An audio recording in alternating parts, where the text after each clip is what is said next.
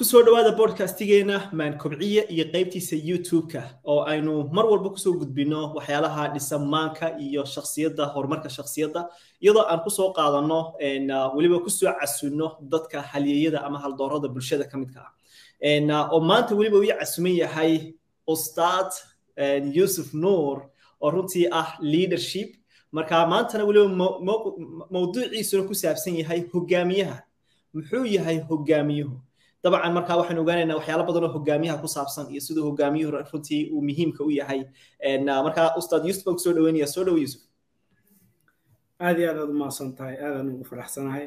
Ustaad shaakir soo dhaweyntaada muuqaalkan quruxda badan iyo podcastka maan kobciya aad iyo aadaan ugu faraxsanahay aan ka soo qayb galo. Waa dhawaa aad baad u mahadsan tahay. Anigana waxay farxadii ah inaad igala qayb gelaysid maanta barnaamijkeenan runtii kana mid tahay casumaadeyda maanta inaad si khaas ah runtii igala qayb qaadanayso. Yusuf waxaa jirta waxyaalo runtii la yidhaahdo hogaaminta hogaamintuna dadkuba waxyaalo fara badan bay qofba macluumaad gaar ka haysta. Marka waxaan doonaya inaan hortamo ka horse muxuu yahay hogaamiye su'aal aad iyo aad u wanaagsan weeye hogaamiyaha dhabta ah waa qof riyad run u bedelo waa waa ingiriiska waxay ku dhahaan people who go the way and show the way. Leadership waxaa weeye tusaale weeye example. Marka waa qof lagu daysto oo wanaagga u horkaco dadka. For example tusaale haddii aan dib u laabano aan fiirino xoolo dhaqatada dadka baadiyo ku nool. Markay guurayaan ay ka guurayaan meeshay degan yihiin. Odayga cidda wuu soo saameeyaa meesha loo guurayo. Sahan sahan soo sahan marka waxaa weeye hogaannimad markaa hogaamiye tahay waa inaad dadka horkacdid oo tustid jid cusub. Fursad cusub marka haddii aad fursad cusub fursad cusubna dadkii tustid inaad dhiirigelin gelisid inay awoodda waxaa la dhahaa ingiriiska waxay ku dhahaan people inaad tustid wax ayna qaban karin ay run u bedeli karaan. See people better than they are. Arag dadka aragtidaada saa dadku u aragtid ha ka fiicnaato say isku arkaan. Marka hogaaminta hogaamiyaha dhabta ah waa kaa Absolute. Uh, now, waxaa la dhahdaa the leadership is who, who showed the way, who shows the way, leads the way. maxay the leaders marba waa leading by example. Masha allah absolute waxa weeyaan yaniga hogaamiyuhu waa qodob muhiim ah runtii aad ka taataabatay iyo muhiimadda uu leeyahay marka waxaa jirta su'aal ah asa yusuf ah sideed u hogaamisaa businesska businesska markii la hogaaminayo waxay ku xiran tahay qodobo waxaa jiro toban qodob oo laga sameeyey saameynta ay leadership ku leedahay adduunka. So waxaa la dhahaa ten theories of leadership. Waa tobanka qodob oo baaritaan lagu sameeyo oo adduunka baaritaan ku sameeya midda ugu horeyso waxaa weeye great man theory ay dhahaan example ah. Marka great awal waxay dhihi jireen great leaders are born. Way u dhashtaan liidernimada waa loo dhashtaa hogaannimada waa loo dhashtaa wax la barta ma aha. Theorygaas baa jiri jiray. Then waxaa loo bedelay the trade leadership uh, theory. Ay dadka dhahayaan exampulo baa jiro. Adiga haddaad saan iyo saan u dhaqantid iyo saan iyo saan iyo emotional intelligence iyo fikirkaada bedeshid iyo aragti weyn aad aad aad yeelatid iyo creative noqotid iyo xirfad cusub dhistid. Intaas haddaad ku shaqaysid. Hogaamiye fiican baa noqonaysaa way ku shaqaynaysaa ganacsiga. Dadna waxay dhihi jireen theorygan example ah the skills theory leadership. Waxaad u baahan tahay haddaad hogaamiye rabtid noqotid oo dad hogaamisid xirfad inaad leedahay. Industrygaa ku jirto inaad xirfad u leedahay. Haddaad engineer tahay inaad skillkii iyo injineernimadaadii iyo xirfad u leedahay. So dadka ay ku arkaan qof credible ah qof macquul ah oo xirfadii marka way kala duwan yihiin. Midda ugu midda examplekan kalaan ku siinayo tobanka hadda saddexan kaa sii ka afaraad waxaa weeye situational leadership theory ay dhahaan oo baaritaan ayadan lagu sameeyo. Taa waxay exampleka ka dhiibaysaa one size doesn't fit all. Haddaad rabtid inaad dad hogaamisid kulli isku wala mid ma aha. Waa situational leadership. Waa habka u dhaqmaysid inay kala duwanaadaan weeye dadka isku wala mid ma aha qof baa qaadanayo communicationkaada stylekaada inaad u bedeshid weye habkay dadku u kala qaataan saa dadku ula dhaqantid. Marka exampladaas way kala duwan yahan midda ugu dambayso waxaa weeye servant leadership. Qof dadka u shaqeeya oo visionkiisa iyo missionkiisaba yahay hadafkiisa inuu adeego dadkana uu adeego. Waxna uuna ka rabin. Dadkaas inuu wanaajiyo servant leadership waa la dhahaa. Tusaalahaas waxay nagu soo dhaweynaysaa maasha allah oo example noo ah prophet maxamed sal allahu aleyh wasalam servant leadership nimadaas iyo hogaannimadaas examplo badan bo ay ka dhalan kartaa. So dadku uu hogaamiyo so dadka ugu naxariistay marka leadership dhan haddii ambareelada leadership ay leadership kow tahay labaad waxaa weeye awareness inaad iska warqabtid dadkana ka warqabtid xaaladahooda. Dan saddexaad waa empathy naxariis inaad ku hogaamisid marka su'aasha ay weydiisid weydiisa waxaa weeye habkee isticmaalaa anigu hadda adduunku uu isbedelay changes badan baa dhacay. So situational leadership baan aan hadda isticmaala badanaa. Isbedel badan markuu dhaco waxa weeye inaad awareness noqotid dadkana inay kala duwan yihiin kala fikir duwan yihiin oo xataa shaqayooyinka hadda waxa la dhaho waxaa soo baxay quiet quitting europe iyo iyo adduunka westiga dadkii markay covid ka soo laabteen say u shaqay jireen uma shaqeeyaan. Ma rabaan shaqadii full time inay ka dhigtaan inay saacadaha dejistaan waxay dareemeen laba sano adduunka dhan isxiray shaqada dhan inayba muhiim ahayn ee noloshooda ay ka muhiimsan tahay. Dadaad laba iyo toban saacadood shaqay jira maalintii hadda way isbedelan hadda inaad ku tuugtid wey soo dhawaysid wey oo influential leadership oo dadkii relationship la dhisatid wey wixii awal boosaan ahay ifollow garay boosaan ahay waxaasaa kuu sheegay hadda imaaw adduunka taawuu isbedelay ma soconayo mar dambe marka situational leadership iyo servant leadership waa the two examples. oo adigiyo dadkii caawinaysa labada kalena example aan yar ku siinayo waa transformational iyo transactional. Labay kala yihiin. Aniga waa ii shaqaysaa waxaasi waxaas baa kaa rabaa. Inaad miiska iisoo saartid. Haddaa iisoo saari weysidna disciplinary iyo iyo waxyaalo waxaa dhacaya shaqadaada oo dhib u geynayo. Marka waa transactional. Waa waxaa raba isii adigana kabacdi waxaan kugu bedelayaa shaqadaada iyo lacagtan ku talagalnay iyo marka taas waa mid midda kale waa transformational transformational waxaa weeye garabkan ku qabsanaya waa ku soo dhaweysanaya waa ku tababaraya sidii qof qoyskeena kula dhaqmaya. Meeshaan waa isla wala leenahay ownershipka waan isla wala leenahay hal meel aan u soo wala soconaa hal hadaf aan leenahay. Taasna waa ta lagu kobciyo ganacsiga doomel dheer aadayo taasa ugu si awood badan weliba si awood badan af ingiliiska xataa tusaale waxay ku dhahaan if you want to go fast go alone. If you want to go far go with everyone and others. Marka haddaa rabtid si deg deg inaa meel ku gaartid keligaa keligaa orod soco.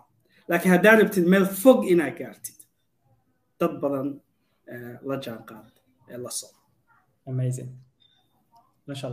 yes. waxa weeyaan yani waa waa tusaale aad u qurux badan runtii yani inuu qofku weliba de maanta aanu noqonin yaniga boss laakiin uu noqdo leader hogaamiye marka kama fursanayso maanta ganacsiyadeena iyo nolosha aan maanta dhisayno inaan noqono leadership. marka su'aasha labaad oo aan u sii gudbayna waxay noqonaysaa sidee u hogaamisaa naftaada waxay dhaheen quote waxaa jira dhahaya haddaad rabtid inaad adiga is hogaamisid. Maskaxdaada isticmaal. Haddaad rabtid dad kale inaad hogaamisid wadnahaada isticmaal. Marka shaksi ahaan markaad is hogaaminaysid waa saddex qodob inaad ka shaqaysid. Anigana isku aan isticmaalo. Waxaa weeye saddex h ee ingiliisku dhahaan head heart hands. Waa maskaxdaada inaad kobcisid waxaa weeye the same thing reading does to same thing exercise. Markaad jimka aadaysid oo bodygaada aad biraha haddaa qaadid oo oratid wuu isbedelayaa so the same thing exercise does to your body is the same thing reading does to your mind. Marka waa maskaxda haddaa rabtid inaad kobcisid wax aqri iqra read. Marka kow aniga shaksi ahaan waxaan ku dadaalaa maalin kasta wax cusub inaan barto haddaad dad hogaaminaysidna waaba muhiim.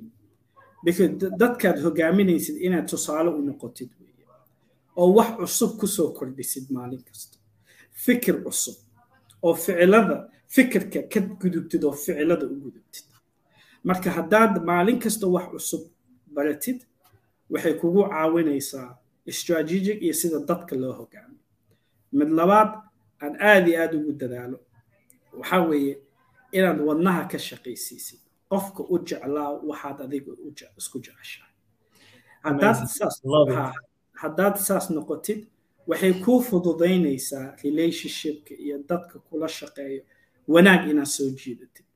Barakay ganacsigaada noqonaya. Marka dadka ku caawisa midda saddexaadna waxaan hubaa. Fadhi wax laguma helo. Hard work works. Nothing worth having comes easy. If it's easy it's not worth having dadaal gacmaha ku shaqayso dadaal. Marka taasna waa isticmaalaa marka aniga shaksi ahaan waxaan ku dadaalaa character ethic wax la dhaho adiga characterkaada qofka jinsida saad saad tahay adiga. Waxa ka haddii af waxay ku dhahaan who you are speak so loud to me i can't hear what you're saying. Qofkaa tahay aad ba waxa kaa dhex guuxooyaan u maqlooya. Waxa afka ka sheegaysid dheg mabjalaq magu siinayo waxaa rabtid iska sheeg.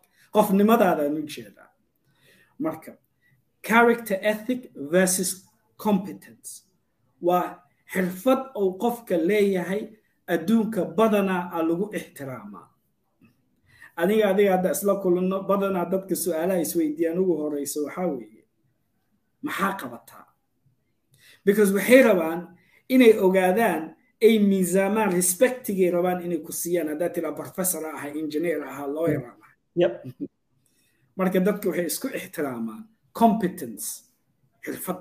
Qofkaas waa engineer qofkaas waa laakiin hogaaminta dhabta ah waa qofta qofka inuu qofnimadiisa ka shaqeeya characterkiisa.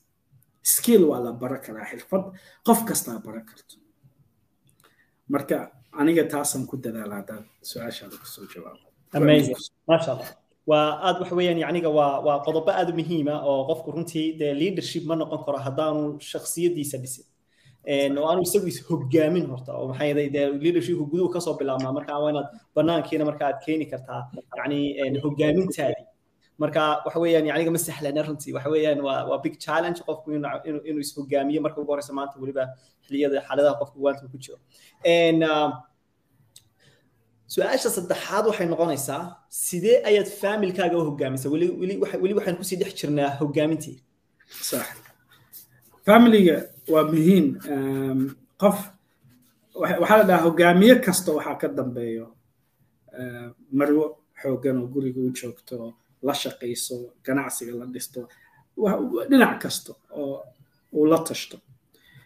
Muhiim weeye effective leadership in your family. Haddaa rabti si xooggan inaad u hogaamiso familigaada horta midda ugu horeyso ay hadda badanaa saameyn badan ku yeeshto familiyada waa aabbaha oo hooyada oo shaqo markay ka imaato taleefonka isticmaalayso. Problemyo badan buu keenaa. Taleefonka exampleka oo hogaannimada uu u dilo guriga waxaa weeye aniga haddaan aniga adiga meel isla fadhino isla cashaynayno oo taleefonkayga miiska ii yaalo saas u saaran yahay. Dadka badanaa taleefonka saasay u gediyaan waxaan kuu sheegaya aana kugu baaqay taleefonka inta ii saaran wuu kaa muhiimsan yahay conversationkeenna iyo sheekadeenna waa muhiim. Laakiin weeye intuuna taleefonkan soo dhicin. Waaba kuusii sheegay. Marka problem badan buu keenaa oo dad connectionkii uu dilaya aabbihii hooyadii la hadlay ilmihii taleefonkii marka hogaanimada dhabta ah waxaa weeye saddexdoo qodob aan taas tusaale ahayd kow haddii family rabtid inaad hogaamisid ka hogaami from your knees adoo jilbaha dhulka ka salaadaada. Ilaahay adoo tuugaysid ka hogaami. Nin baa i weydiiyey ayaan hore wuxuu idhaa yusuf how do you lead a family? I said you lead from your knees. Wow. ku hogaami familigaada tus tusaalena u noqo qof ilaahay subxaana wa tacaala ku xiran maata number one co big stick leadership masha allah midda labaad waxaa midda labaad role model u noqo tus responsibilitygaada iyo aaminaadaada iyo trustigaada hadduu wiil yaroo gabar yaroo ilaahay ku siiyey hadday iskuol dhigato ay maanta ballan leedahay iskuolka atila waa imaanayaan aana imaan. Trust weyn baa jiris. Marka tus aaminaada trustiga moralskaa rabtid inaad ka dhistidna. Adiga role model garay samaynaysaa marka hore. Ha. Waxaa la ingiriiska role model iyo real model. Labay kala yihiin. Real model iyo role model. Role model kulligeen baan iska isticmaalna role model hala noqdo dhalinyarada ilmaha familiga real model waa dhabt role waa aabbaan ah bas meeshaas kuma eko xaqaadii la rabaa inaad ka soo baxda haddee tusaalaan ku siinaya example. gabar yar aabbaheed mar walbo shaqo buu jiraa hooyadiis bay hooyadii bay weydiinaa hooya aabba maanta aawe shaquu jiraa hooya aabba maanta aawe shaquu jiraa markaasuu guriga markuu imaaday tiri aabbo maalin kasta shaqa aadaa ha waa noo soo shaqeeyaa familigeena noo dadaalaa okay aabbo meeqa baa ku shaqaysaa imasa maalintii konton euro qaadatay gabadhiya eedadeed abtigeed markay aragto qoyska familiga oon lacag yaray aruurinaysa bilooyin oo sanad ku dhowaa asoo meel fadhiyo shaqo aadi rabay waxay tiri aabbo maanta waa maalinteydii. Waan ogahay inaad shaqo aadid. Oo konton euro ay tira ku soo shaqaysaa maalinta dhan. Hoo kontonkaada euro ee maanta aniga ila jooga wow. Amazing.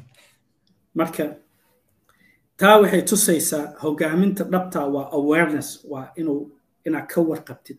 Waxay ku sugan yihiin. Wiilaa i weydiiye ayaan wuxuu idhahay yuusuf xaaskayga iyo familigayga saan ula dhaqmaa waxaan dhahay ka warqab maalin kasto waxay ku sugan yihiin. Ka warqab. Ogaaw hadday guriga joogto xaaskaada maasha allah ilmahaada waxay ku sugan yihiin. Maanta dareenkooda muxuu ahay maxay la kulmeen? Ma guriga baa wax ka soo gaaray waxba maxaa isbedelay? Ka warqab hogaaminta dhabtaa waa taa. Inaad ka warqabtid dadka aa hogaaminaysid. Ganacsi iyo guriga maalin kasta waxay ku sugan yihiin. Ayaan hore training aan samaynaya canary wolf xafiis ingiriiska ku yaalo financial institution xaafad ah. Marka trainingka samaynaya example bay weydiiyeen example na sii tusaale na sii saan dadka uga warqabno waxaan dhahay maalin kastaba qof walbaba touch point ha kuu noqo. Oo kuu shaqayso oo kula shaqayso see tahay fiican tahay xaaladaad maxay say maanta kuu ahayd? Maxaa kugu soo kordhay? Book waxaa jiro la dhaho one minute manager. Hal daqiiqa maamul. Wax badan ugama baahnid qofka inaad weydiisid oo tiro badan. Hal daqiiqo aad ku weydii kartaa waxay qofka maalinta dhan ku sugnaayeen laakiin wax weyn bedelaya. Wax aad iyo aad weyn u bedelaya. Marka muhiimadda taas wey midda kalena waxaa weeye tusaalaha yarka waxaa weeye inaad noqotid kind naxariis. Hogaaminta dhabta awareness markii laga soo dego oo guriga ku hogaaminaysid ganacsiga.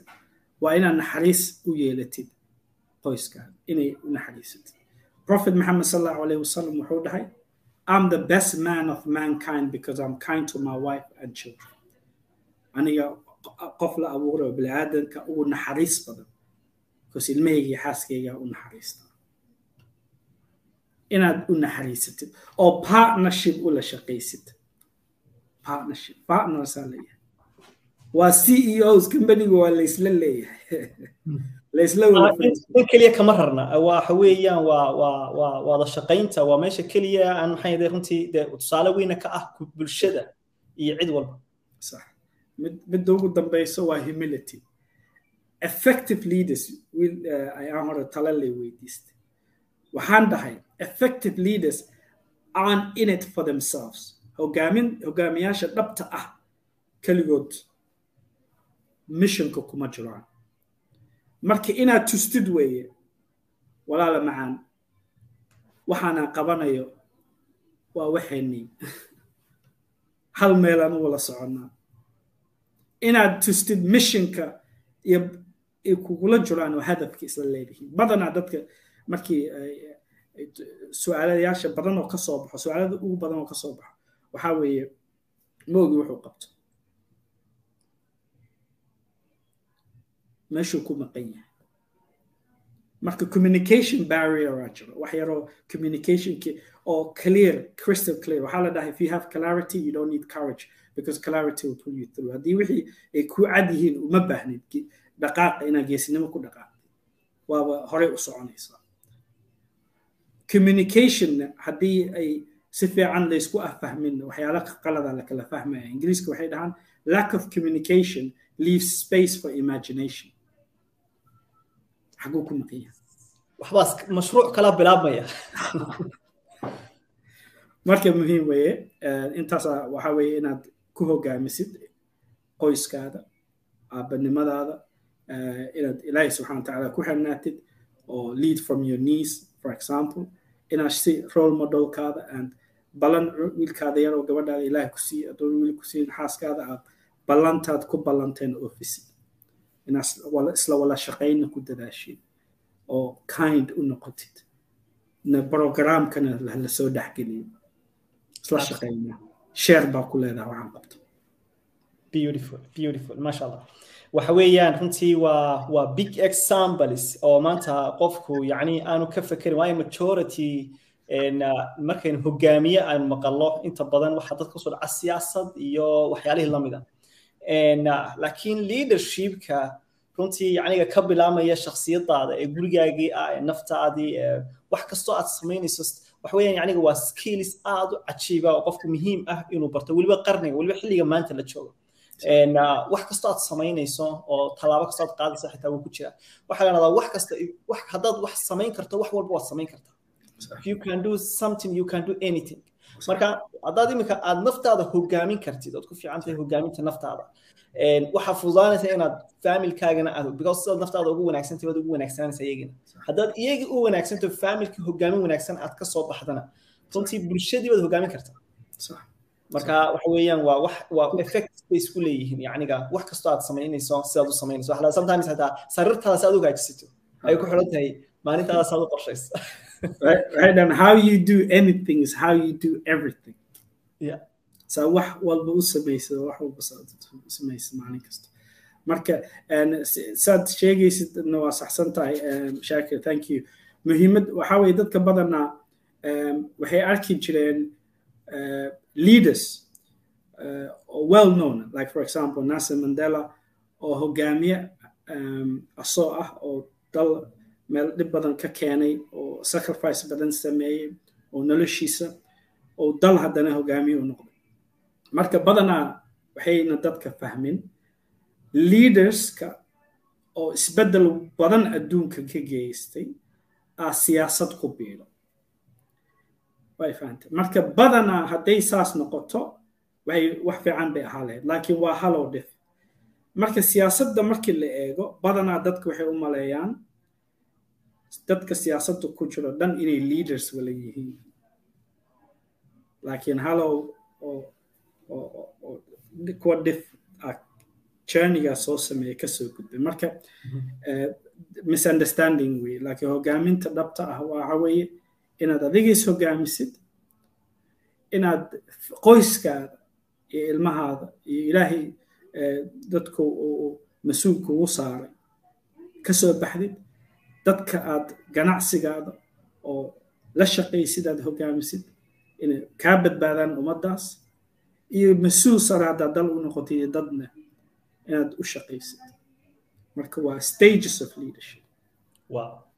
Yusuf wuxuu hogaamiyey intaasoo de companies intaasoo qof yaniga boqol iyo labaatan kun oo qof ayaan rajaynaya mar inaad hogaamin hogaamiye wax. Kala duwan noloshayda intaan inta dadoo la soo shaqeeya wow so beautiful. Marka waxa weeyaan yacniga maanta inaynu helayno khibraddii ugu wanaagsanayd waxaa jiro example nin la dhaho john maxwell oo leadership coach wuxuu ka sheekeeyaa shanta level oo hogaaminta dhabta ah. Shan qodob ay leedahay. Marka qofka hadduu rabo inuu dad hogaamiyo uu meel fogna gaarsiiyo hadafkiisa shantan qodob inuu mar walba diiradda ku hayo way. Ko qodobka ugu koowaad waa levelka koowaad oo hogaaminta. Waa positional leadership ay dhahaan. Qof walba wuxuu ku dhahayaa garaadadayda magaceyga oo anaa hogaamiyaha waa i raacaysaa. Wax kastaa ku dhaho taladeedaa qaadanaysaa. Marka waxay dhahaan people follow you because they have to. Qasabay ku tahay inaad hogaami marka si kale kuma follow garaynayaan maahane just qasab wey. Adi meeshaad maamusha. Mid waa positionka ugu hooseeya midda ku xiga waa permission. Waa qofka go'aan buu leeyahay. Aniga waa ikana hogaamiye anaa meeshaan hogaamiyo dhaqankayga iyo saan kula dhaqmo iyo saan waxaad u kala hagaajiyo. Baa igu raacaysaa adaana taladaada inaad hogaamiye ku noqdo. Waa la choose karayaa leaderka dadku way choose karaystaan marka people follow you because they want to. They want to. That's beautiful. they want to. They like you. Relationship waxaa la dhahaa relationship leader. Dadka soo ula dhaqmo positionka saddexaad waa production. Waa maaldhalin waa waa ka shaqaysiisay meeshaad taagan tahay. Ganacsi haddaad leedahay horumar weyn baa gaarsiisay haddaad company u shaqaysid results fiican baad u keentaa production. People follow you because of what you've done for the organization. Haddaad dal maamushid wax isbeddel badanaa keentay. Dadkii waxay dhahayaan leaderkeennii weeye isbeddel badan baa ka dareemay results buu keenay wuu ka maalay position fiican. Waa garaadadii saddexaad.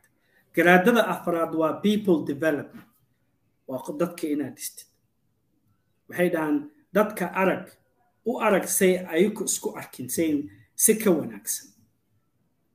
Leaderka wuxuu leeyahay vision aragti. Vision is the art of seeing what's invisible to others. Aragtida hogaaminta dhabta ah waa qofka inuu arko waxayna dadka kale arki karin. Adigun kaa dhex guuxayso kuu muuqata because adigan hagaya u wada meeshaas sida jarnaalka uu hago ciidankiisa. People follow you because what you've done for them. Dadka waxay waad caawisay waad dhistay. Waa dhistay. Dad dad aan isku malayn. Hadda footballerska dadkan oo hadda adduunka ugu sareeyo qof baa scout baa meel tago eegay uu dhahay. Positionkan fiican buu ka ciyaaraa. One day wuxuu noqonayaa footballer fiican. Marka waxaa weeye aragtidaas inaad leedahay positionka shanaad garaadada shanaad. Pinnacle position. People follow you because who you are and what you stand for. Waxaad adiga respecti baa lagu follow gareeyaa waxaana ahayn qofkaa noqotay ingiriiska waxay ku dhahaan if you don't stand for anything you fall for anything. Qof istaagsan moraal fiican leh dadka u wanaagsan dadka wanaajiyo dadka caawiyo results companigu u keeno oona consistency ah. Weligiisna saas weligeedna saas u socota waxaanay ka yihiin dabeecaddiisa dhaqankiisa yacniga runtii dailin wow wow. Characterkiisa buu ku beeraya una ka bixi waay marka taas aad iyo aadaa muhiim u ah. Afartaas shantaas qodob waxay qofka ka caawinayaan inuu mar walba diiradda saaro. Anigoo su'aashaan weydiiyo delegateska dadka trainingka imaado positionkee taaganta hadda waaba describe gareeyey waaba kuu falanqeeyey positionyada kala duwan. Xaggee adiga kula tahay hadda aad baa taaganta kas gacanta taagayana aniga waxay la tahay taagana. Maxaad marka hadda aad iska bedelaysaa? Saad positionka sare u sii aadid. Marka waa muhiim marka waxaan ku dhahaa maalin kasta isku day hal percentage inaad kor u qaadid noloshaada. Haddaad rabtid shan iyo toban daqiiqo soo kac intaana fajir la gaarin. Kasoo saacadda shalay soo kacda shan iyo toban daqiiqo ka soo hormar. Waa one percent. Maanta afar bage aqri. Salaada markaad tukatid haddaad rabtid maanta ama bug ama quraanka muhiim. Isku day maalin kasta one percent haddaad kor isku qaadid oo improvement oo maskaxdaada iyo jirkaada iyo dadkaad ku heeraagsan tahay aad wanaajisid. Sanadka haddii la gaaray saddex boqol iyo lixdan iyo shan maalin waa sannadkii. Percentageka haddii lagu dhufto waa saddex kun lix boqol iyo toddobaatan percentage. Ah hal sano improvement noqonaysa wow maaha one hundred percent xitaa keliya. Ma aha everyday percentageka wuu sii wuu sii kacaya. one percent shalay ahay. Maanta waa beri waa labuu noqonaya. Labadiyaa lagu dhufanaya. Sanadka markuu dhammaado three thousand six hundred percent baa kor u kacday. one percent. Waa wax walba waa tartiib. Waa patient consistency. Marka sidan loo eegana qofku yacniga waa waxyaaluhu qariibsanaya isleeyays maaha wax weyn haddana wax weeyaan waa waxaa yara ururay waa simbol yacni wax aada u fudud. Marka inta ku raba ku dhameeyo marka waxaa weeye dadka markay isbedelaan marka dadka besbedelka wuxuu ka imaadaa xanuunka. People will not change people change when they are hurt enough. Xanuun badan inay dareemaan taas waa ilahi subxana taala qur'aanka ku dhahay every hardship comes ease wax walboo adag fudayd baa ka dambeeya inaad dareentid weeye jirka haddaa rabtid inaad dhistid inaad goysid weeye muruqa. No pain no gain. No pain no gain. Laakiin midda labaad waxay weeye people change when they're inspired to. Inay helaan dad ay inspiration ka helaan waa midda labaad. Xanuunka marka la soo dhaafay. People change when they're inspired. Enough qof markay arkaan qof u eg qof u eg oo horumar gaarayo oo isku culture ah were inspired by dareemaya inspiration. People change when they learn enough that they want to. Labay kala tahay oga people change when they learn enough that they want to. Qof waxaa jiro the more you know the slower you go macluumaad badan way jirtaa taasi saamaynta ugu badan bay leedahay. Waan arkay dad macluumaad badan ururiya wax badan xog badan haya laakiin isagu aan dhaqaaqin. Marka they have they want to and midda ugu dambaysa waxaa weeye dadka waxay isbedelaan when they receive enough. When they receive enough that they able to. Dadka waxay isbedelaan xog badan markay helaan. Example. Saa shaakir. Maan kobciyo.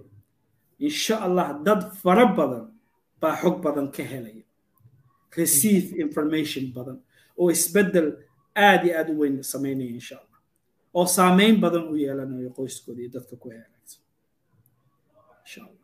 insha waa hadafkeenu leenahay waa himiladeena maanta yacniga runtii inagoo laba wadanna kala joognaa aynu maanta yes maxaynu value ama maanta aynu dadka u gudbin karnaa? Marka runtii yacniga soddonkaa daqiiqe aynu soo hor fadhiisanay waxaan yacniga rajaynaynaa inay dad badani ay heli doonaan runtii isbeddelkaas. Isbeddelka waa waa journey. Waxaa la dhahay maanta waa ku tusi karaa jidkaad jidka isbeddelka jidka isbeddelka. Laakiin isla maanta noloshaada ma bedelmi karto. Waa kugu hagi karaa. Waxay dhahaan if you want to know the road ahead ask the past if you want to know the road ahead waxa la kulmaysid. Jidka kaa horeeyo waxaa la kulmi doontid. Haddaa rabtid inaa ogaatid. Weydii qofka ka soo laabanayo. Ku fududaynaysaa marka qof aana kufayn ma istaago. Qof aana kufin ma istaago. Qasab weeye si kasto aad aad wax u dhisaysid aa xirfadna ugu leedahay waa la dhacaysaa. Waad dhacaysaa waad kacaysaa survive absolute. Ba inaa ishagtid weeye waxaan ku dhaha haddaa rabtid inaa adiga ishagtid maskaxdaada istimaal haddaa rabtid inaad dadka kala hagtid wadnahaada istimaal naxariis strategic. Si kastoo aa ula kuftid ogaaw there's another day there's another opportunity. Aad hore ugu soco kartid. New level new playing field. Maska xataa wuu xubdhacsadaa isbeddelkaas waa important. Waxaa la dhahay what got you here won't get you there. Wixii inta ku keena xagga kuma geynayaan dadaal cusub bay u baahanta dadaal cusub iyo weightka jimka haddaad tagtid. The weight does not get any lighter birta culayskeeda hoos uma dego adiga inaa xooggaada kor u kicisid wey. Aad iyo aad. Macnihii waxa weeyaan marka aan doonaya maanta inaan more gaining sameeyo waa inaan more yacniga aan aan birtii badiyo. Intii hore haddaan jooga halkii baan taagnaanaya macnihi weeyaan. You have to put you have to push you have to be able to to in order to lift that weight inaad birahaas adiga xooggaada korbisid marka waa taasaa muhiima marka final point waxaa weeye adiga shaksi ahaan as a leader saad isku dhisaysid waan ka sheekayna saad adiga saa habkaad u shaqaynaysid qoyskaada iyo dadka kugu heraagsan iyo familigaada saad u muujinaysid. Aan u noqonayso side natural ah hogaaminta dhabta ah. Marka waa taa waa muhiim ما شاء الله and uh, يعني waxa weeyaan absolute waxa weeyaan yani waxaan oran karaa is another level ما شاء الله waxa weeyaan halkii ugu dambeysay maanta inaan maqalno the leadership skills and uh, maxay yahay marka xigtana yani inta jeer aad dhacdo muhiimaddu maaha waa inta jeer aad kacdo marka taas marka ay timaado ayuunba inta badan dadku waxay isdhiibaan ama maanta yacniga fashilka badan ka yimaada marar badan markay yacniga la kulmaan dhicitaan ama wixii yacni tusaale ahaan oo kale ay la kulmaan inay sidii wax ugu socon waayeen waayo isaga weli aan ahayn aan adkayn aan qofkii ahayn aan weli diyaarsanayn ayaa markaa waxaa dhici karta in markiiba isdhiibo waana say u badan tahay. Marka taas weeyaan iyadana fashilka ugu badan oran kara yacniga maanta qofku inuu inuu isdhiibitaan badan ku yimi. Leadershipkiina meeshii weeyaan waxaa laga yaabaa inaad hogaamin yacniga maanta aad doonaysa inaad samayso dhan walba naftaada iyo cid walba. Dad badan baa ku eeganaya ku daawanaya. Isdhiibitaankaa isdhiibtay deetana you lose the leadership. Marka inta yara loo baahan waa inta yara aad u baahan tahay inaad top sii joogto adigoo in yar sii adkaysanayo oo ku sii adkaysatid.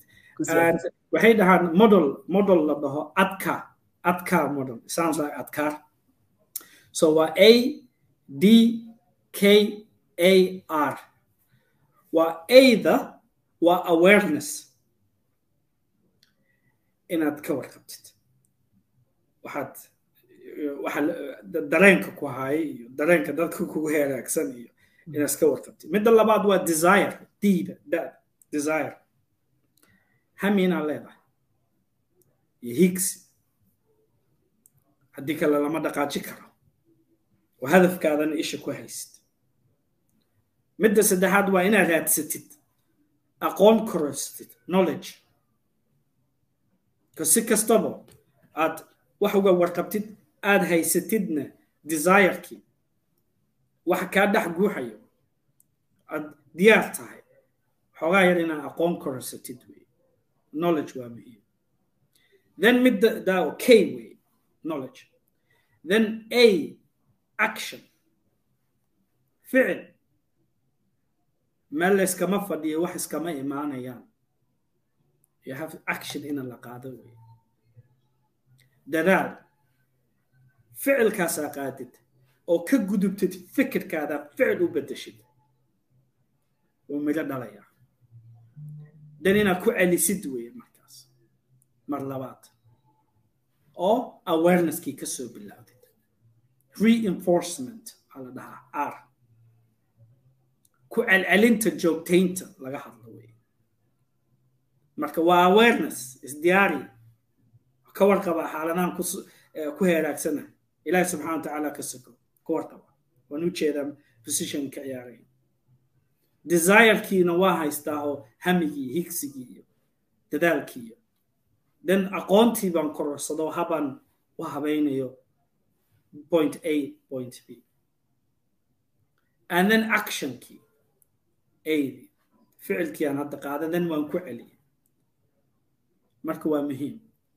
Marka waa laakiin dadaa kala duwan laba laba group of people oo dad waxaa jira markaa hogaaminaysid leadershipkan conversationka. Hadda ka hadlayno introverts iyo extroverts ay dhahaan ingiriiska.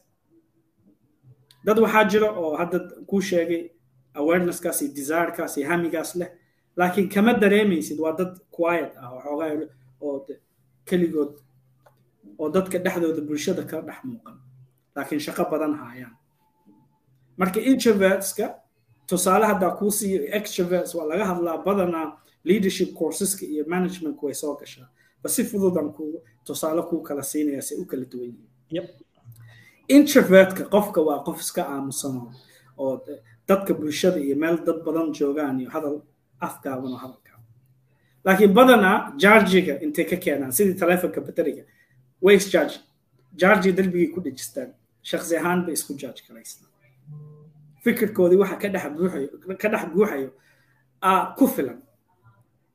Uma baahno qof inuu dhiiri geliyo badanaa introverts aan la dhaha.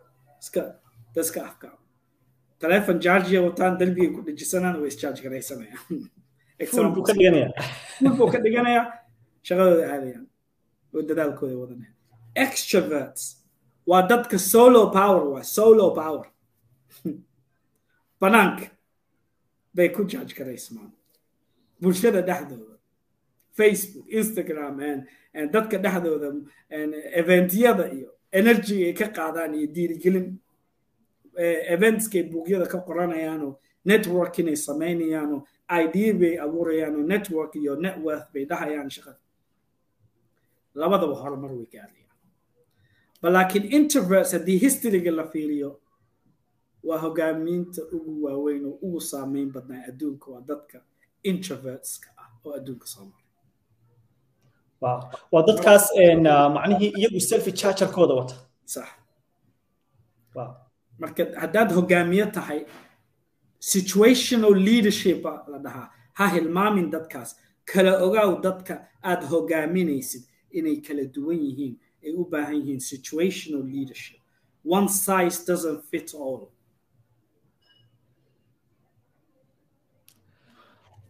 amazing. Amazing. Waxaa iga kordhay halkaa qudhayda cilmi aad u fara badan runtii. Yacni marar badan oo aan dad yacniga la kulmoy maxay leadership systemka inaan maxay wada shaqayno majority waxaan odhan karaa taasoo kale waxay noqon kartaa malaa five percent mise ten percent dadka dadka taa imika ugu dambaysaa sheegtay. Waay inta kale dadku waxay waxay waxay u badnaayeen aan ku arki jiray leadershipka kale.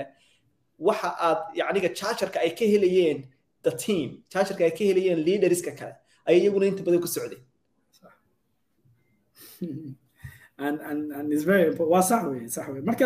awareness-kaas ogaatid dadkaada way ku fududaanaysaa si loo hogaamiyo marka waxaaba jira types of leadership autocratic ay dhahaan authoritative autocratic democratic midda labaad laissez-faire mid ay dhahaan oo iska waa dadka laid back oo tartiibtooda iska fadhiyo daayo dadka kale opportunity siiyo laysinimada xoogaha yar iyo transformation. Marka autocratic waa idhegeyso waxayga qabo. Democratic xoogaha yaraan tashano.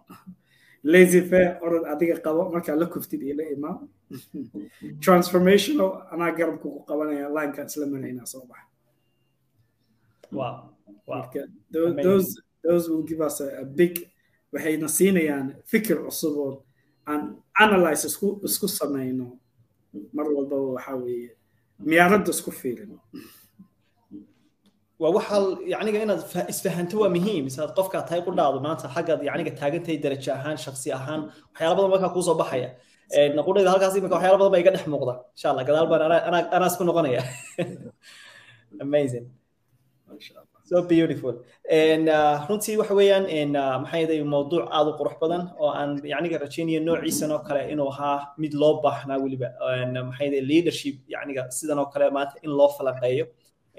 Maxaa yeelay lana kala furfuro weliba af soomaali ahaan. Bugaagta english dabcan ku ama dad english ku hadlay laakiin iyadoo af soomaali lagu sharaxayo.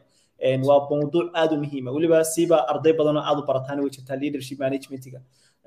Maxaa yeelay waddankeenina aad ugu badan weliba siiba inay maanta arki doonaan dadka doonaya inay maanta dhisitaan sameeyaan waayo leadershipku mar walba waxa weeyaan waa maalinta aad u kacdo isbeddel inaad samayso. Oo markaas yani wixii naftaada ka bilaama wixii yaniga businesskaaga ka bilaamaya wixii maanta wax kasta aad samaynayso maanta la xidhiidhaya marka wax weeyaan waa wax yaniga la odhan karo mawduuc muhiim u yahay maanta bulsho badan ama dhalinyaro badan oo doonaysa isbeddel abuur. Oo aan maskaxdooda ku jirin inay keliya ka fakeraan de leadership waa wax noocaasa siyaasad haddii iyo wixii la mid laakiin inuu yahay maanta midka gudihiisa gudahooda ku jira mid kasta. Marka maasha allah ugu dambeyn yusuf inagoo soo maxay gabagabadii baynu ku jirnaa. Maxaad markaa ku sii darsanaysaa ugu dambeyn si aan markaa yacniga maanta u sii siino big bump insha allah laba mid. Waxaan waxaan rajaynayaa insha allah inaad guulaysatid wax walba aad ku dadaashidna waa helaysaa insha allah laakiin mar walbaba ogaaw don't mistake movement for achievement. Dhaqdhaqaaqa horumarid ha isku dhex qasin. Waxaa loo baahan yahay direction.